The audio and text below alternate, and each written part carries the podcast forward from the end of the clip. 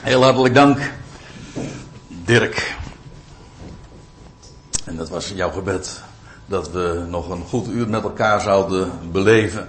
Maar wat mij betreft hebben we dat eigenlijk al. Zo, als je de lessen van de natuur ter harte neemt, dan is dat schitterend om daaraan te denken. Ik wil een ander boek openen. Niet het boek van de natuur, maar het boek van het geschrevene. Dat wil zeggen de schriften.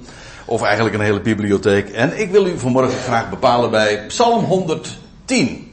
En u ziet, het is het eerste deel daarvan. Want daar valt nog uh, veel meer over te zeggen dan dat ik in één samenkomst dat kan doen. Trouwens, die één slaat niet alleen maar op uh, deel 1, maar het slaat ook op het eerste vers. Dat ik van dit hoofdstuk, van dit Bijbelhoofdstuk wil gaan bespreken. Over welke psalm hebben we het dan? Ja, het 100, de 110e. Ja, dat is waar. Maar dat is een, een, een psalm. Misschien wel de beroemdste psalm. Nou, als ik het zo, als ik nu een punt zou zeggen, dan klopt dat niet. Want de beroemdste psalm zal uh, psalm 23 zijn, maar het is de beroemdste Messiaanse psalm. En er is geen psalm in de hele uh, Nieuwe Testament te vinden die zo dikwijls geciteerd wordt als deze. En waar ook, want niet alleen maar geciteerd, maar ook nog eens een keer waar heel dikwijls aan gerefereerd wordt. Laten we eerst eventjes deze psalm lezen. Het zijn maar zeven versen, maar ze zijn zo compact, er staat zoveel in. Goed, voordat we, voordat ik wat ga vertellen ook over de, de structuur van de psalm, eerst even lezen wat uh, daarin staat geschreven. Het is een psalm van David. Uh, dan staat er, Yahweh zegt met nadruk tot mijn Heer, zit aan mijn rechterhand. Totdat ik uw vijanden stel tot een voetbank voor uw voeten. Het is dit vers wat ik vanmorgen dan speciaal in de schijnwerpers wil stellen. Maar er volgt nog het een en ander. Dan staat er in vers 2, Jaweh zendt uw krachtige scepter uit vanuit Sion.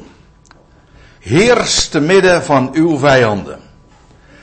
Uw volk is gewillig in de dag van uw vermogen, in heilige eer. Vanuit de schoot van de dageraad zal voor u de dauw van uw jeugd zijn. Jaweh heeft gezworen, en het zal hem niet spijten. U bent priester tot in de aion, naar de orde van Melchizedek.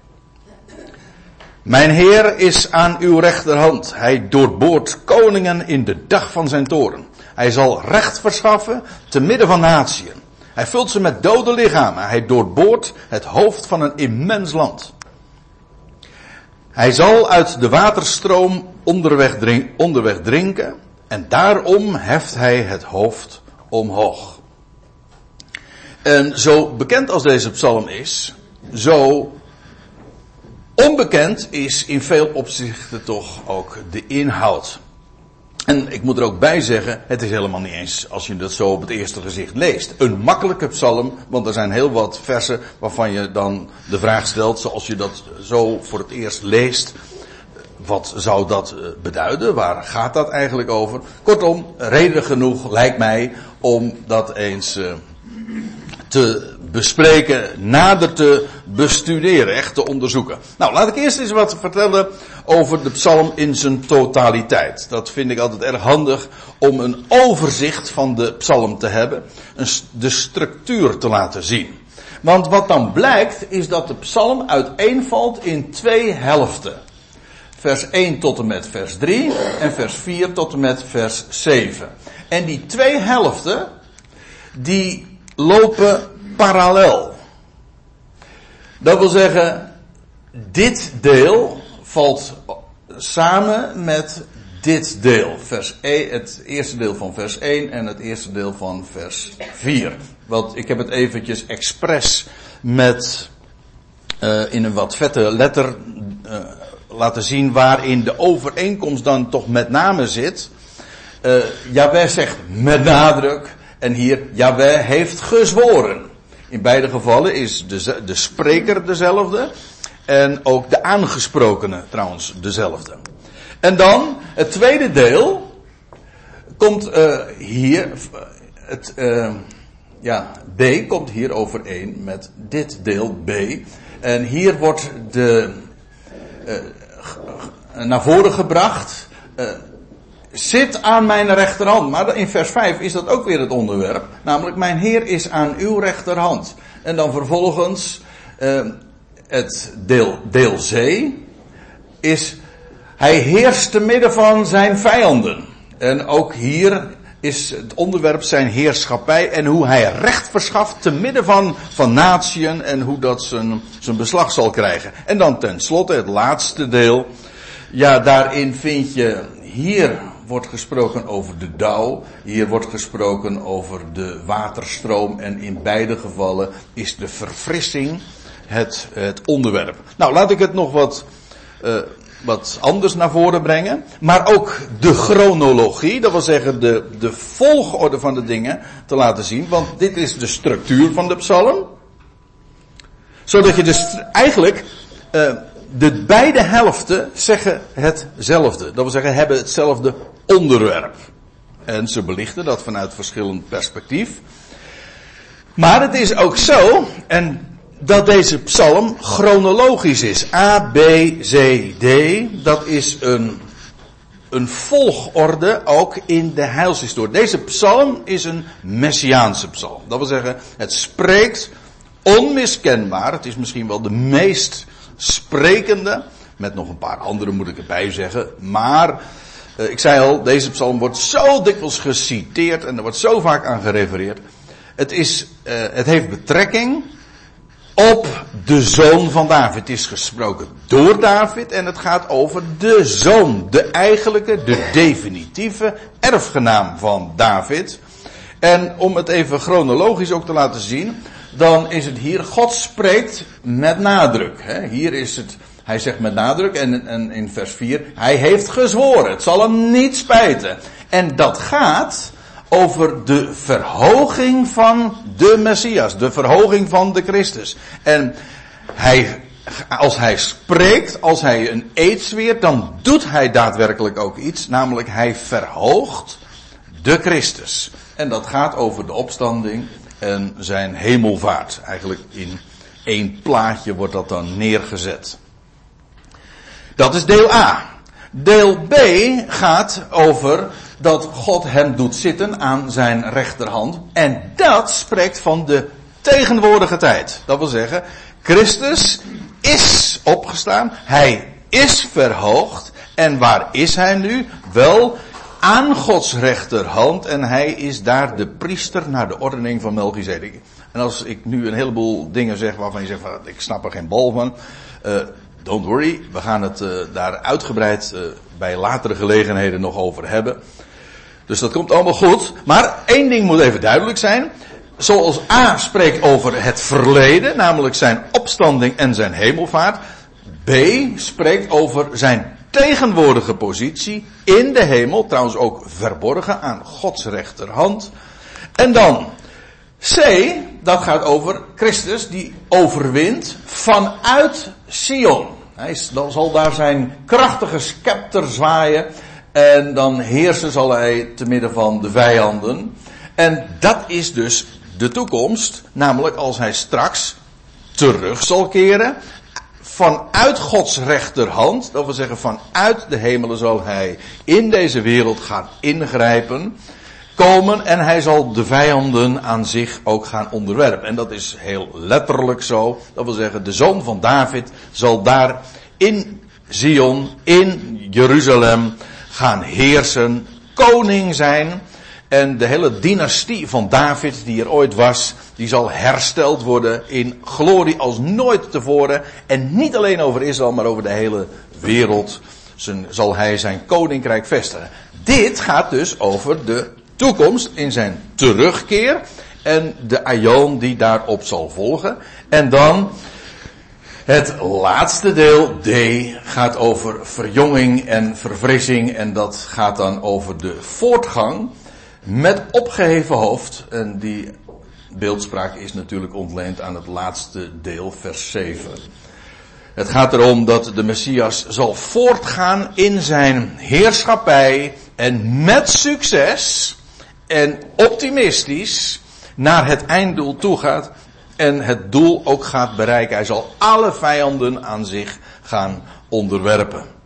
Nou, dat is eventjes in een notendop uh, waar deze psalm over gaat. Zodat je dus niet alleen maar ziet dat deze psalm op een hele bijzondere wijze is opgebouwd. Twee helften die parallel lopen. Maar dat daar dus ook een chronologische opeenvolging in zit. Ja, die dus feitelijk ook herhaald wordt. Want het eerste deel beschrijft dat en het uh, tweede deel net zo goed. En het spreekt niet over jou en mij, maar het spreekt over hem. Dat wil zeggen, over de Messias die inmiddels gekomen is. Um, ja, ik bedoel, gekomen is die, die wij inmiddels kennen. Kijk, je moet je realiseren, David, die dit optekende, die leefde de pakweg duizend jaar voor Christus. Ja, en wij leven inmiddels drie, 2000 jaar na Christus. Dus daar zit een tijdgat tussen dat deze psalm gecomponeerd werd en opgetekend werd. Ja, dat is inmiddels 3000 jaar geleden. Dus dat is. Maar. Uh, inmiddels is daar zoveel informatie ook bijgekomen. Dat wil zeggen, het Nieuwe Testament becommentarieert deze psalm ook. Nou, laten we eens nadat ik het, de psalm zo in zijn totaliteit even bezien heb en nou ja, dat we dat met elkaar hebben overwogen, laten we gewoon eens naar de tekst zelf toe gaan. En we zullen vandaag echt niet verder komen dan het eerste vers. Dat, en nou herhaal ik me misschien uh, weer, maar het is juist dit eerste vers dat zo vaak wordt aangehaald. Vers 1 van Psalm 110. Nou ja, daar wordt uh, begonnen met het feit dat deze psalm een psalm is die toebehoort aan of gewijd is aan. Maar ja, het wordt dan vertaald met een psalm van David. En dat hij de auteur is, ja, dat kan niet missen. Want dat wordt namelijk ook nog eens bevestigd. Kijk, je zou, laat ik het eventjes misschien nog toelichten. Want je zou zeggen van, nou, de psalm van David, dat is toch onmiskenbaar dat hij degene is geweest die dat heeft opgetekend. Ja, maar dat volgt op zich nog niet uit deze formulering. Want dan zou je in het Hebreeuws ook nog kunnen lezen van, het is een psalm voor David, gewijd aan David, toebehorend aan David.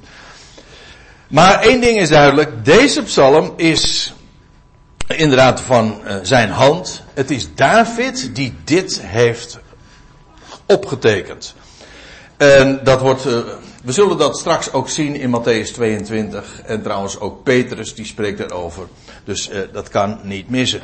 Dit is trouwens wel eh, goed om je te realiseren. Kijk, David, dat was de eerste koning van Israël.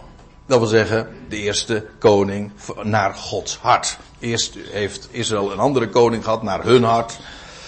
En, maar dat was vergankelijk. En de koning die gezalfd werd. Uh, en die eigenlijk ook de grondslag werd van een hele nieuw koningshuis. Want ja, na David kreeg je Salomo, de, de zoon van David. En nou ja, er zijn nog vele koningen daarna ook gekomen. Twintig om precies te zijn. Een hele dynastie. En God heeft zijn belofte verbonden aan deze David. En als ik zeg belofte, dan is dat feitelijk nog te zwak geformuleerd. Want feitelijk heeft God een eed zelfs gezworen. Dat lees je in deze psalm. Je leest het ook in psalm 132. God, die heeft aan David toegezegd, uit jouw lendenen, gewoon, dat is een wat oude manier van formuleren, maar uit jouw, uit jouw heupen, uit jouw lijf zal een zoon voortkomen en hij is de definitieve gezalfde. Jij bent gezalfd tot koning, maar er komt iemand die dat verre zal overtreffen en hij zal zelfs definitief, en dat betekent trouwens uh, ook nog eens dat hij dus zal blijven en kennelijk dus uh, onvergankelijk leven heeft, want ja, je kan alleen maar onvergankelijk koning zijn als je daadwerkelijk ook uh, blijft leven. Dus op een of andere manier heeft hij ook nog de dood overwonnen. Dat zit er allemaal in. Maar in ieder geval, er komt iemand en hij zal op de troon van David gaan komen en hem zal de troon van David gegeven worden. En hij zal, dat moet ik er ook nog even bij zeggen, hij zal ook uh, de ware David zijn. Ik bedoel ook dit te zeggen, het woord David betekent trouwens geliefd. Dat is één ding. Maar bovendien, het hele leven van David, zoals het begonnen is. Afgelopen donderdag, toen hebben we in eh, bijbelstudie gehad in Katwijk. En toen hebben we dat nog uh, vrij uitgebreid ook ge, gememoreerd. Dat het leven van David feitelijk een plaatje is van de zoon van David. Begonnen in Bethlehem, in zijn eerste komst. Hij werd gezalfd tot koning, maar het zou nog een hele tijd duren alvorens hij werkelijk de koning zou worden in Jeruzalem. En in die tussentijd, ja, was hij de gezalfde, maar werd hij verworpen en werd, was er niets uh, bekend van zijn koningschap. Hij had trouwens wel een grote overwinning al behaald op de vijand, die reus. Ja, dat kennen we natuurlijk ook allemaal. En uiteindelijk is hij koning geworden en heeft hij een, een geweldig koninkrijk ook gevestigd. Ik mag wel zeggen, zelfs een wereldrijk. Deze David is een illustratie en zelfs de wijze waarop zijn leven beschreven is. Eerst de gezalf tot koning en pas later daadwerkelijk de, de, de heerser in Jeruzalem. Wel, dat is een plaatje van de Christus die zou komen. Zodat als hier staat een psalm van David is niet alleen maar gezegd van ja het is, David is de componist. Hij is degene die het opgetekend heeft. De, David is eigenlijk ook uh, degene die in, in de persoon, het hoofdonderwerp van deze psalm, wordt uh, geïllustreerd. Oké. Okay. We lezen verder. Dan Yahweh zegt met nadruk, het luidt het woord des Heren, zegt de NBG-vertaling en de Statenvertaling waarschijnlijk ook.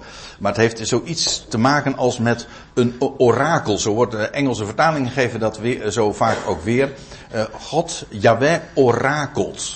En een orakel is eigenlijk een godspraak. Het is iets dat met nadruk, niet zomaar een mens, maar God verklaart het. En vandaar ook het accent daarop. Het is niet zomaar iets. Nee, Yahweh zegt met nadruk tot mijn Heer. Aha. Eerst even dit. Yahweh. Hm? Want uh, ik moet erbij zeggen, als je dit nu gewoon leest in een Nederlandse vertaling, ik bedoel de MG of de Statenvertaling, dan is dit, ja, als je het uh, leest, dan valt het nog dan valt je iets op. En dan lees je namelijk eerst uh, de Heere, uh, die spreekt tot mijn Heere. En dan zie je hier Heere met allemaal hoofdletters en hier Heere met kleine letters. Maar als je het voorleest en een ander luistert da daarnaar, dan uh, valt je dat verschil helemaal niet op. Ik bedoel, je hoort geen hoofdletters. Hè? Dus dat is al merkwaardig. De Heere spreekt tot mijn Heere. Uh, in het Hebreeuws staan hier echt twee totaal verschillende woorden. Namelijk, Yahweh, dat is de naam van God. Ik ben die ik ben, betekent die naam. Maar Yahweh spreekt tot mijn Heer. Tot Adonai, of Adonai. Mijn Heer, dat is wat het eigenlijk betekent. Als je het zo leest, Yahweh zegt met nadruk tot mijn Heer, dan, dan zie je heel duidelijk van, aha, hier is God aan het woord. En hij spreekt tot mijn Heer. Wie is dat? Ja, het is een psalm van David, dus David spreekt over iemand die hij mijn Heer noemt. Dat deze, de rest van deze psalm duidelijk maakt dat deze Heer van David de Messias is, ja dat is duidelijk. We, we, hebben het zojuist uh, gelezen. Maar één ding is toch wel onmiskenbaar. Dit gaat over de Messias. Over degene die eens definitief zal heersen in Zion. En daadwerkelijk de, de laatste en de definitieve telg uit het huis van David is. Ja, maar het eigenaardige is dat David hem beschrijft als mijn Heer. Dat is, als je dit eventjes terugbrengt naar de naar de achtergronden van de Bijbel, dat wil zeggen de Joodse achtergronden, is dit echt wel bijzonder. Want u moet zich realiseren dat voor een Jood, als die het heeft over de Messias, dat is misschien voor ons christenen met een christelijke achtergrond wat vreemd, maar voor een Jood, als hij het heeft over de Messias, dan spreekt hij over de zoon van David. Er komt iemand uit uh, de geslachtslijn van David, uit die dynastie, uit dat koningshuis. En eenmaal komt er iemand en die gaat, uh, daar gaat de troon van David herstellen in Zion. Dat gelooft een Jood. Als hij een orthodoxe Jood is, als hij gelooft in de, in de, de Hebreeuwse Bijbel, ons Oude Testament, dan weet hij van, ja, daar komt een keer iemand en die zal heersen in Jeruzalem. Dat is de zoon van David. En een Jood zegt, ja, die moet nog steeds komen. Dus vandaar ook dat een, een, een orthodoxe Jood, ja, die gelooft niet dat Jezus de Messias is. Want de Messias die zal heersen in Jeruzalem. En aangezien er nog uh, helemaal niet zoiets bestaat als een koningshuis in Jeruzalem. Laat staan dat er een, een, een, een dat Israël hersteld is. Laat staan dat heel de wereld daarin zal delen. Vandaar ook dat het voor een Jood een absurd idee is dat Jezus de Messias zou zijn. Want de Messias, ja, daar wordt toch echt een beschrijving van gegeven. Dat hij zal heersen in, in Jeruzalem en over de hele wereld. Een Jood ziet in dat de Messias de zoon van David is. Maar dat hij ook de Heer van David is. Dat is een heel bijzonder verhaal. En ik zeg dit eventjes omdat dit namelijk een, de aanleiding is voor een hele conversatie die we vinden in uh, de evangelie. Matthäus, Marcus, Lucas. Ik neem u even mee naar Matthäus 22. Eventjes iets over de, de samenhang. Uh, inmiddels, een paar dagen tevoren, had, had de, de optocht naar Jeruzalem plaatsgevonden, de intocht. Dit is de laatste week van Jezus verblijf hier op aarde. Dat wil zeggen voor zijn sterven. Dit is één of twee, drie dagen voor zijn sterven. Een van zijn laatste publieke optredens trouwens ook. En dan lees je toen de fariseeën samen vergaderd waren. Het was in de tempel, het was in Jeruzalem dus. Een belangrijk, de, de leidslieden van het volk, die waren, de geestelijke leidslieden, die waren samen vergaderd. Toen stelde Jezus hen een vraag. Dat is een hele uitdagende vraag. Niet, zij kwamen met een vraag bij hem. Nee, eh, Jezus kwam met een vraag aan hen. En dan zegt hij, wat is jullie mening? Wat dunkt u? Wat is jullie mening omtrent de Christus? Hij vraagt dus niet wat vinden jullie van mij?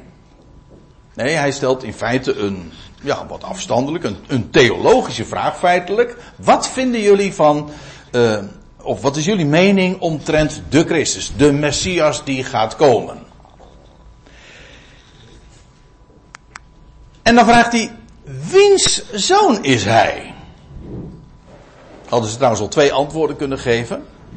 Ja, want de Messias is de zoon van God. Dat lees je in Psalm 2 al. Het zou de zoon van God zijn. Maar, uh, ja, meest bekend is dat hij de Messias, de Christus. Christus en Messias zijn dus dezelfde begrippen. Het ene is Grieks, het andere is Hebreeuws, maar betekent allebei gezalfd. Wiens zoon is hij? En dan zeggen die, die fariseeën, nou, van David. Oké, correct. Juist. Hij, Jezus, zei tegen hen, hoe dan noemt David hem in de geest, dat wil zeggen uh, geïnspireerd door Gods geest, want ja, het is, we hebben het over de Hebreeuwse Bijbel, uh, van God gegeven, de schriften die niet, die niet gebroken kunnen worden. Hoe dan noemt David hem, de, de Messias, de Christus, dan in de geest Heer? Als hij zegt, vers 44, de en nou volgt dus een citaat uit Psalm 110. Het vers waar we het vanmorgen over hebben. Psalm 110, vers 1. Hoe dan noemt David hem in de geest Heer als hij zegt, de Heer zei tot mijn Heer, zit aan mijn rechterhand totdat ik uw vijanden plaats onder jouw voeten. Dus hij citeert Psalm 110 vers 1. Nou, en nou komt de vraag. Indien, dat is de vraag die Jezus hen stelt. Indien dan je David hem Heer noemt, hoe is hij dan zijn zoon? En het idee is dat het maar de, de zoon van David, maar dus niet alleen maar een zoon is, hij is veel meer. Je zou namelijk nog kunnen zeggen van nou ja, eh, aangezien David zelf de grondlegger is van het koningshuis, is hij dus de voornaamste, de belangrijkste, de eerste. En zijn zoon, oké, die erft het van hem, maar hij, bij hem begon het. Nee, David zegt zelf dat hij ondergeschikt is aan zijn zoon. Hij noemt hem zelfs mijn Heer. En dat is de vraag die Jezus hier stelt. Hoe kan dat? Hoe zit dat met jullie theologie? Wat denken jullie over de Christus? Jullie zeggen hij is de zoon. Oké, maar hij is veel meer dan alleen maar een nakomeling, een nazaat die eenmaal de troon gaat bezitten die David ooit ook bezat. Nee, hij is veel meer. David onderschikt zich aan hem en noemt hem mijn Heer. En dat was voor de Joden een gigantische vraag. En ze, kennen, ze kunnen daar ook geen antwoord op geven. Want er staat namelijk, en niemand kon een woord antwoorden. En ook durfde niemand meer vanaf die dag hem een vraag te stellen. vanaf die dag, dat kon ook trouwens ook nauwelijks meer, want er zouden nog maar een paar dagen volgen en dan zouden ze Jezus kruisigen. En trouwens, ik moet er nog iets bij zeggen. Diezelfde week nog zou dit woord, wat Jezus zojuist hen had voorgehouden, vervuld worden. Namelijk dat Jezus verhoogd zou worden uit de dood en zelfs al gezet zou worden aan Gods rechterhand. U zegt dat was met hemelvaart, ja, dat is zo, maar feitelijk al op de dag van de opstanding. Maar dat is een onderwerp apart. Maar het gaat er even om, die week zou dit woord, Psalm 110 vers 1, in vervulling gaan. En daarom was het ook voor de Heer Jezus om deze vraag aan die, die fariseeën zo voor te leggen, zeer to the point. En hun, de vraag aan hen was, hoe is dat mogelijk? En zij konden hier geen antwoord op geven. In feite was het zo dat hier een, hun theologie op stuk liep. En dat is precies ook de reden waarom de Heer hen daarmee confronteert. Ze konden hem hier niet op antwoorden. Ja, nou ja, ze, wat ze wel konden doen, hem monddood maken. Nou, monddood maken, ze konden hem doodmaken. En dat hebben ze ook gedaan. En wonderlijk genoeg, juist door dat te doen, hebben ze bijgedragen aan de vervulling van Psalm 110, vers 1. Ja, het kan wonderlijk lopen, nietwaar? Want zo is het gegaan. Ze hebben hem tot het uiterste vernederd. Tot de dood, ja, tot de dood van het kruis. Maar juist daarom kon God hem ook verhogen. want uh, verhogen wil zeggen, dat veronderstelt dat je in een vernederde positie je bevindt. Nou, daar hebben zij hun bijdrage, hun steentje wel aan toe geleverd, zeg maar. Dus, Even terug. We gaan weer terug, hè, want de uitvalsbasis is Psalm 110. Maar ja, als je. We, hebben de grote luxe, dat moet ik er eigenlijk ook bij zeggen, dat als we Psalm 110 bespreken, dat we daar niet over hoeven te speculeren. Of uh, ons de vraag hoeven te stellen van, ja, wat zou dat nou betekenen? Want het Nieuwe Testament verschaft ons in dit geval heel letterlijk, heel concreet, gewoon de uitleg van Psalm 110. In zijn geheel, maar ook in het bijzonder van vers 1. Telkens wordt daaraan gerefereerd. Zodat we dat helemaal niet hoeven te bedenken van, ja, wat, wat, wat bedoelt dat nu? De uitleg vinden we in het Nieuwe Testament. Enfin, we gaan even verder. Een psalm van David. En Jaweh die had met na, zegt met nadruk tot mijn Heer, tot Davids Heer, dus de Messias, is Davids Heer. Dat hebben we bij deze vastgesteld. En wat wordt er tegen hem gezegd? Zit aan mijn rechterhand. Moet ik even twee dingen bij zeggen. Dat woord zitten heeft in de eerste plaats de, dat is niet alleen maar een positie van rust, maar het, is ook, het heeft uh, te maken, het Hebreeuwse woord, te maken met uh, ja, gezeten zijn. Trouwens, bij ons heeft gezeten zijn ook de betekenis van ergens verblijven. Een, een ingezetenen. Dat is iemand die ergens verblijf houdt. Dat is het Hebreeuwse woord ook. Maar dan ook aan mijn rechterhand. Ja, wat is dat? Nou, uh, ook daar uh, is het zo dat, dat, dat zijn van die, die dingen. We hebben mijn broer Dirk had het over de natuur. Maar je hebt ook van die algemeen uh, gangbare dingen, zelfs ook in de, in de menselijke samenleving. Uitdrukkingen die, die al onbekend zijn. Bijvoorbeeld die van de betekenis van rechts. Namelijk dat dat te maken heeft met voorrang. Dat moet je aan een Engelsman nog uitleggen, dat is waar. Maar uh, in het algemeen weten wij allemaal dat rechts heeft te maken met voorrang en met eer trouwens. En links heeft te maken met achterstelling.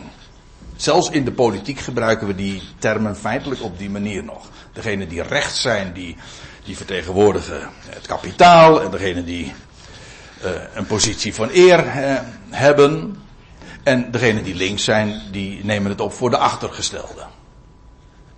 Ik vind het ook wel mooi dat, trouwens in Engels zeggen ze left ja, dat betekent links. Maar left betekent ook verlaten.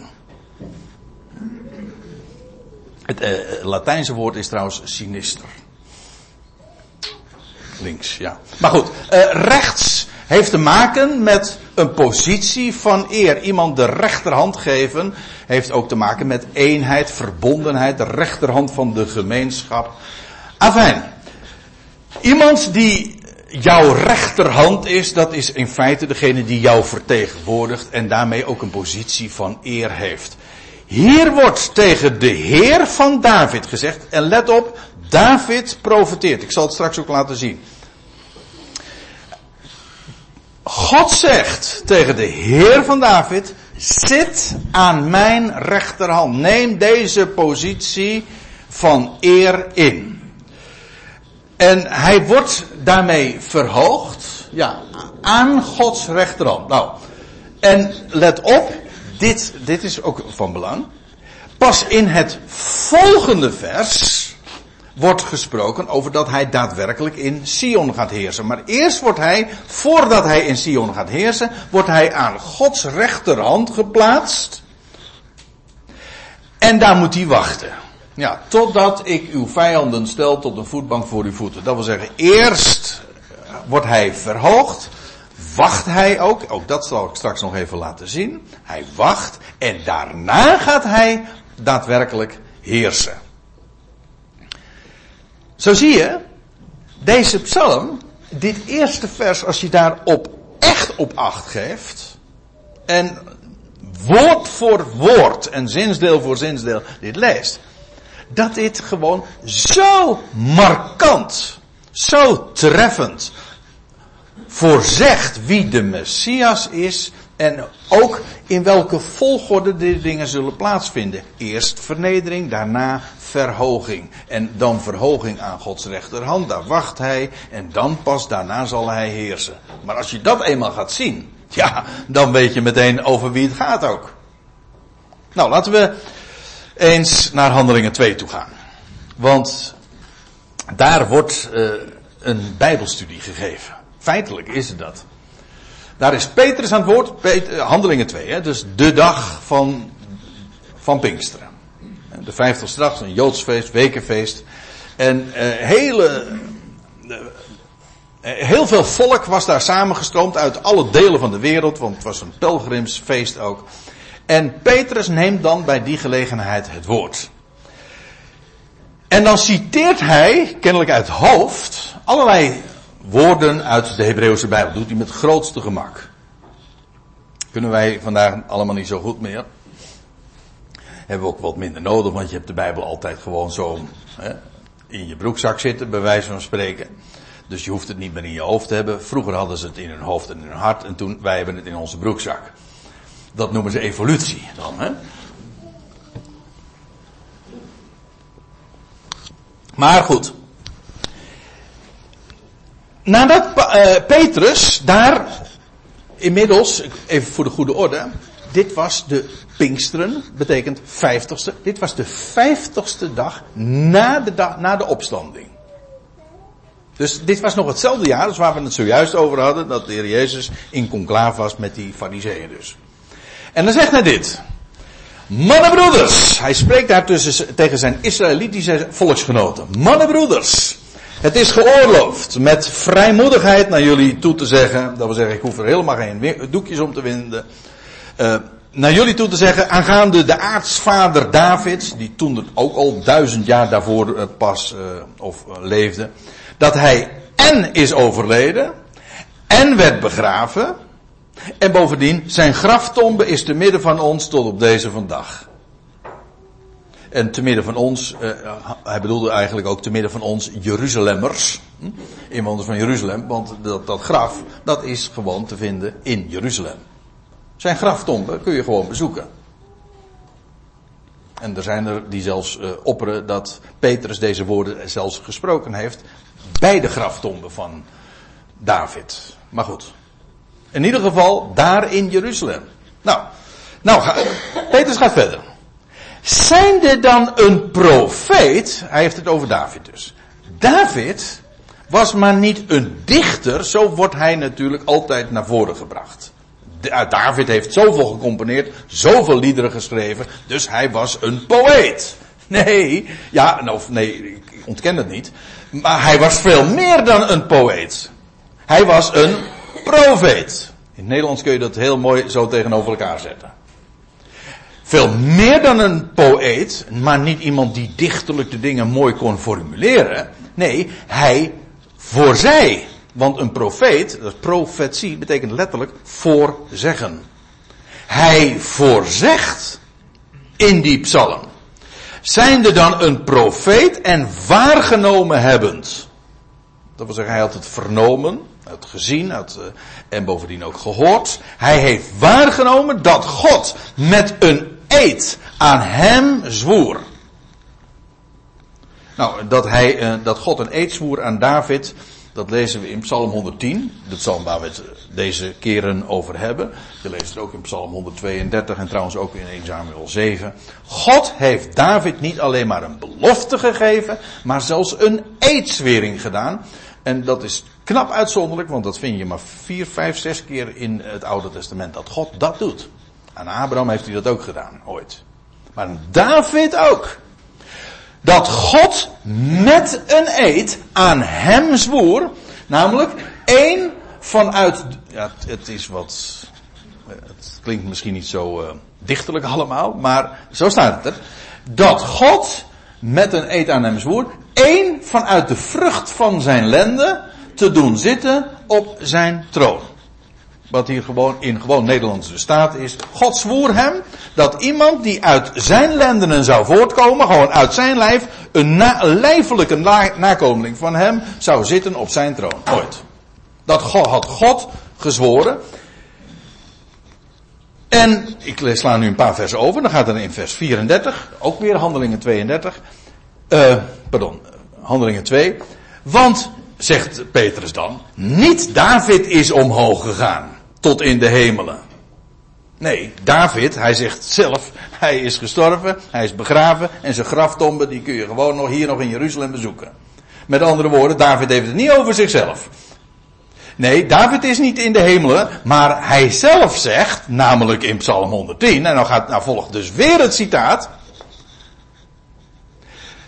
De Heer zei tot mijn Heer, Zit aan mijn rechterhand. Jawel, dat is in het Hebreeuws dan. Jawel zei tot Adonai.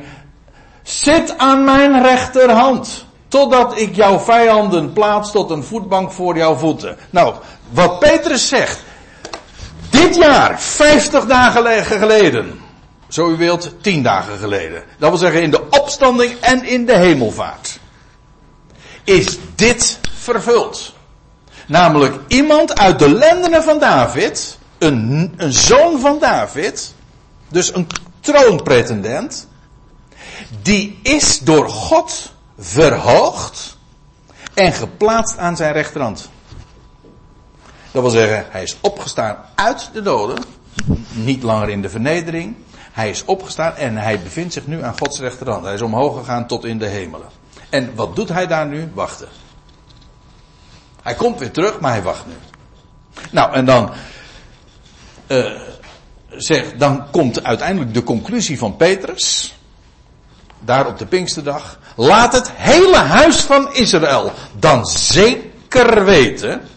Hij had het, in feite had hij nu de bonnetjes allemaal op tafel gelegd. Hij kon het zo allemaal vanuit de schriften ook laten zien. Laat het hele huis van Israël dan zeker weten dat God hem, namelijk Jezus, dat God hem en tot Heer, de Heer van David, en tot Christus, de Messias, de Mashiach, maakte deze Jezus die jullie kruisigden. Dus jullie hebben Jezus gekruisigd, maar juist daarom, en wat God, eigenlijk kan ik nog anders zeggen, jullie hebben hem gekruisigd, weet je wat God met hem gedaan heeft? God heeft hem verhoogd aan zijn rechterhand. En daar is hij nu. Jullie hebben hem gekruisigd. En hij is inderdaad ook begraven. Maar ga maar naar zijn graf toe. De steen is weggerold. Hij is, de, het graf is leeg. U moet zich voorstellen, dat waren gewoon historische feiten. De steen was weggerold, het graf was leeg. En waar is hij nu? Nou, David, of uh, Petrus kon zeggen, hij is aan Gods rechterhand. Daar was hij trouwens ook ooggetuige van. En er waren er tientallen die dat ook konden bevestigen. Inderdaad, hij is verhoogd aan Gods rechterhand. Hij zegt, en dat is vervuld, of de vervulling van wat we lezen in Psalm 110, vers 1. Alsjeblieft. Jullie hebben Jezus gekruisigd, maar God heeft hem verhoogd aan zijn rechterhand. Daar is hij nu en daar wacht hij. Wil ik nog een, een, psalm lezen? Nee, een, um, een citaat. Eerst nog eventjes naar Psalm 110 weer terug. Uh, zit Jawel zegt tot uh, mijn Heer, zit aan mijn rechterhand, totdat ik uw vijanden stel tot een voetbank voor uw voeten. Met andere woorden, uh, Jawel belooft de, pardon, de Christus een complete overwinning op zijn vijanden. Dat belooft hij. En laat ik eens u dan meenemen naar Hebreeën 10. Ik ben trouwens verborgen bepaald niet compleet. Als, ik geef niet eens alle citaten weer van uh, Psalm 110 vers 1. Er zijn er nog meer. Maar goed, de tijd uh, ontbreekt me om dat allemaal te laten zien. Hebreeën 10. Daar wordt ook weer een citaat gegeven van Psalm 110 vers 1. En daar staat er dit. Ja, moet, dat is het nadeel natuurlijk als je dat op deze manier doet. Want ja, als ik wat vertel over de Hebreeënbrief uh, daarin wordt uitleg gegeven en ook aangetoond wie de Messias is. En ook vanuit het Oude Testament, vanuit de Hebreeuwse Bijbel, wordt aangetoond en uitgelegd uh, dat Jezus daarin de volmaakte vervulling is. Nou, uh, Hebreeën 10 spreekt dan over de offerdienst en, en de betekenis daarvan. En dan staat er, Hebreeën 10 vers 12. Maar deze, gaat het over de Messias. Na één slachtoffer ten behoeve van de zonde te hebben gebracht, is voortdurend gaan zitten aan Gods rechterhand. Dat wil zeggen, daar is hij nu. Bij voortduring. En eh, ja, daar wordt er nog iets eigenlijk bij gezegd. Hij is daar ook gezeten. Want hij heeft namelijk eens voor altijd het offer gebracht. En wat, daar, wat de schrijver van de Hebreeënbrief hier eh, betoogt, is, ja, in het Oude Testament had God vele offers eh, ingesteld.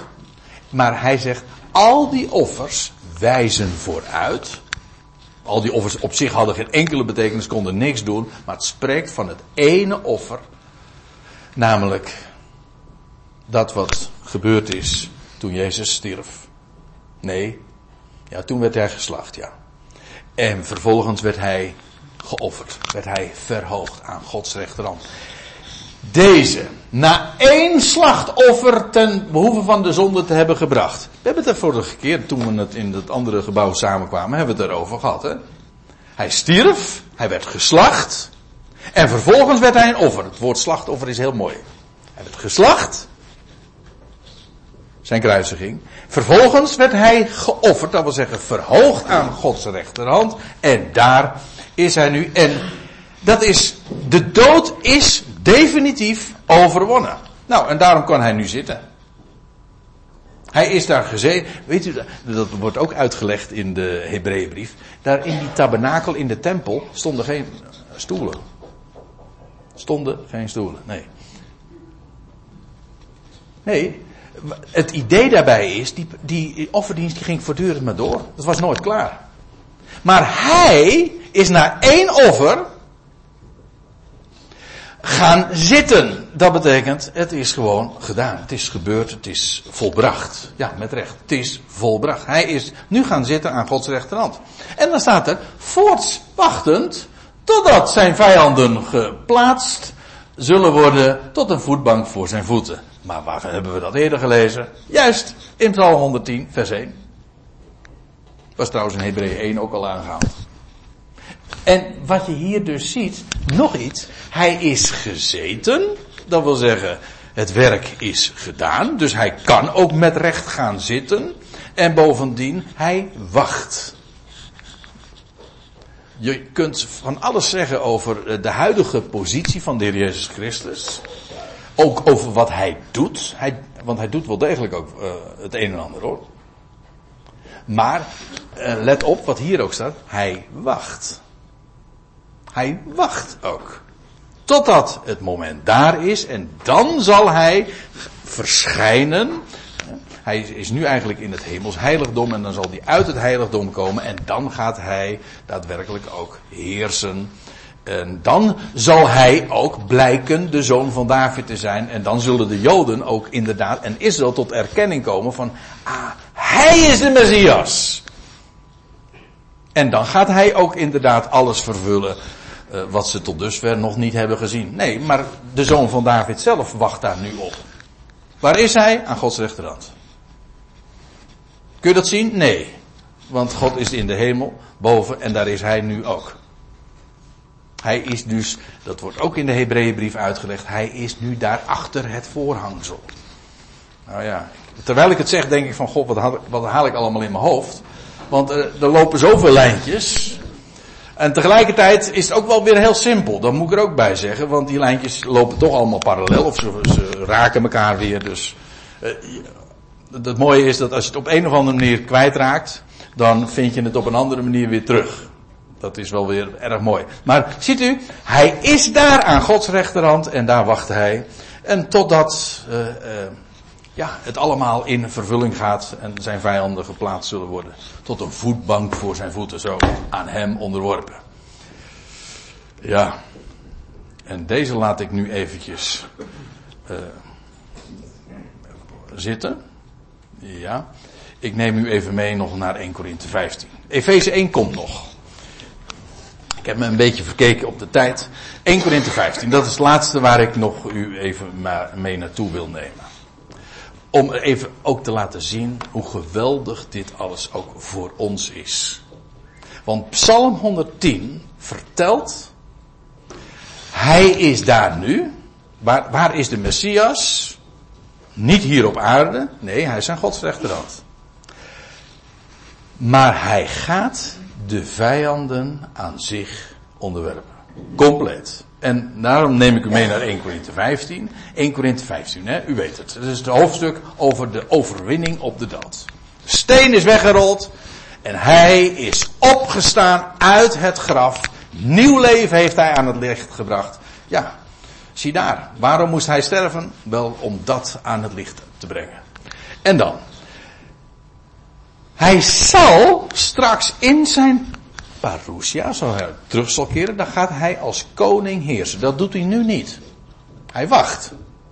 Maar straks gaat hij komen, dan gaat hij heersen als koning. En zegt Paulus dan in 1 Korinthe 15, hij moet dan als koning heersen totdat hij zou plaatsen al de vijanden onder zijn voeten. Nou, het lijkt mij duidelijk. Ook dit refereert, het is geen citaat, maar het refereert aan Psalm 110. Onmiskenbaar. En nou moet je eens opletten. Hij moet als koning heersen. Uh, wij zeggen dan, en er zijn allerlei christelijke liedjes, want ik zei net wat onaardige dingen over het Jodendom, maar laat ik dan ook wat iets onaardigs over het christendom zeggen. Onze liederen zeggen dan van hij moet heersen tot in alle eeuwigheden en er komt nooit meer een eind aan. Forget it. Er komt wel een eind aan. Hij moet heersen totdat. Want hij gaat namelijk zijn missie volbrengen, namelijk alle vijanden aan zich onderwerpen. En dat is een heel proces en daar gaan we het de komende keren ook echt over hebben. Maar ik ga u meteen nu even meenemen naar het einde. De laatste vijand. Daar hoeven we ook helemaal niet over te fantaseren, want Paulus zegt wat die laatste vijand is. Hij moet als koning heersen totdat hij zal plaatsen alle vijanden onder zijn voeten. Dat gaat hij dus doen. De laatste vijand die teniet gedaan wordt, dat is de dood. Aha. Ja, en dan je zou je natuurlijk door moeten lezen. En dan lees je ook inderdaad dat als die, dat ook gebeurd is, ja, dan gaat, dan houdt zijn heerschappij op. En dan geeft hij een volmaakt koninkrijk weer terug aan zijn God en Vader. En dan gaat hij, dat noemen ze de abdicatie, zijn, zijn troonsafstand. Dan gaat hij afstand nemen van de troon. Dan geeft hij dat allemaal weer terug aan zijn God en Vader. Maar let op, de laatste vijand die er niet gedaan wordt, is de dood. De dood wordt niet gedaan. Weet u wat dat betekent? Ja, het gekke is, eigenlijk hoef je dat helemaal niet uit te leggen. Behalve, en dan ga ik weer iets onaardigs zeggen, behalve aan christenen. Die weten dat niet. Dat de dood niet gedaan wordt, betekent gewoon, heel simpel, dat er geen dood meer is. En weet je wat dat betekent? dat allen die dood zijn, zijn levend gemaakt. Maar dat, dat, dat verzin ik niet hoor. Dat volgt niet alleen maar uit de, logica. Maar lees maar eventjes terug in 1 Korinthe 15. Er staat zoals in Adam allen sterven. Ja? Nou, niet allemaal tegelijk. We leven ook niet allemaal tegelijk. Hè? Zoals in Adam allen sterven. Zo zullen in Christus allen worden levend gemaakt. Dus heel de mensheid. Ja, maar dan moet je ook. Nee, je hoeft dat niet te geloven, want dat gebeurt toch wel. Ik bedoel, je sterft ook wel zonder dat je denkt. Uh, er zijn mensen die denken dat ze niet sterven. Maar ja, sorry. Daaraan daar ben je gewoon onderhevig. Dat is een gegeven. Dat is een mededeling. En alle mensen, ieder in zijn eigen rang worden. We hebben de natuurlessen inmiddels al geleerd. Je hebt, we zijn niet allemaal. Goh, ik ben het woord nou wat was het ook weer, Dirk? Oh ja, nou ja, laat maar. Ga ik, nog, ga ik het nog verkeerd, ik ben het vergeten, dan ga ik het nog verkeerd zeggen. Maar ik bedoel, we zijn niet allemaal zulke eerstelingen. Eh, eh, niet, niet alles heeft daarin de, dezelfde timing. Alles op zijn tijd. En het is zo'n geweldig voorrecht inderdaad nu een eersteling te mogen zijn. Maar iedereen volgt. En alle mensen gaan levend gemaakt worden. Waarom? Wel, God wil dat. En God gaat alle vijanden van Christus aan zich onderwerpen. En de laatste vijand, dat is de dood. En dan is er geen dood meer. En dat betekent, alle zijn, zijn levend gemaakt. En dan leven alle. En dan wordt God ook werkelijk alles in allen. Ja, in feite, dit is het evangelie, lieve mensen. Dat hangt niet van ons af. God heeft dit verklaard, plechtig verklaard, gezworen. De dood wordt teniet gedaan en het leven triomfeert. Kijk, en dat is nou echt een boodschap waarvan je werkelijk kunt zeggen, dit is een blijde tijding. En of een mens het nou gelooft of niet, dit is de waarheid. En dit is wat God belooft en bij Ede verklaart. En dat is precies ook de reden waarom we met zoveel reden blij kunnen zijn en vrede kunnen hebben en uit kunnen zien naar die stralende toekomst. Nou, wordt vervolgd. Dit was vers 1. Uh, tenminste, een deel daarvan.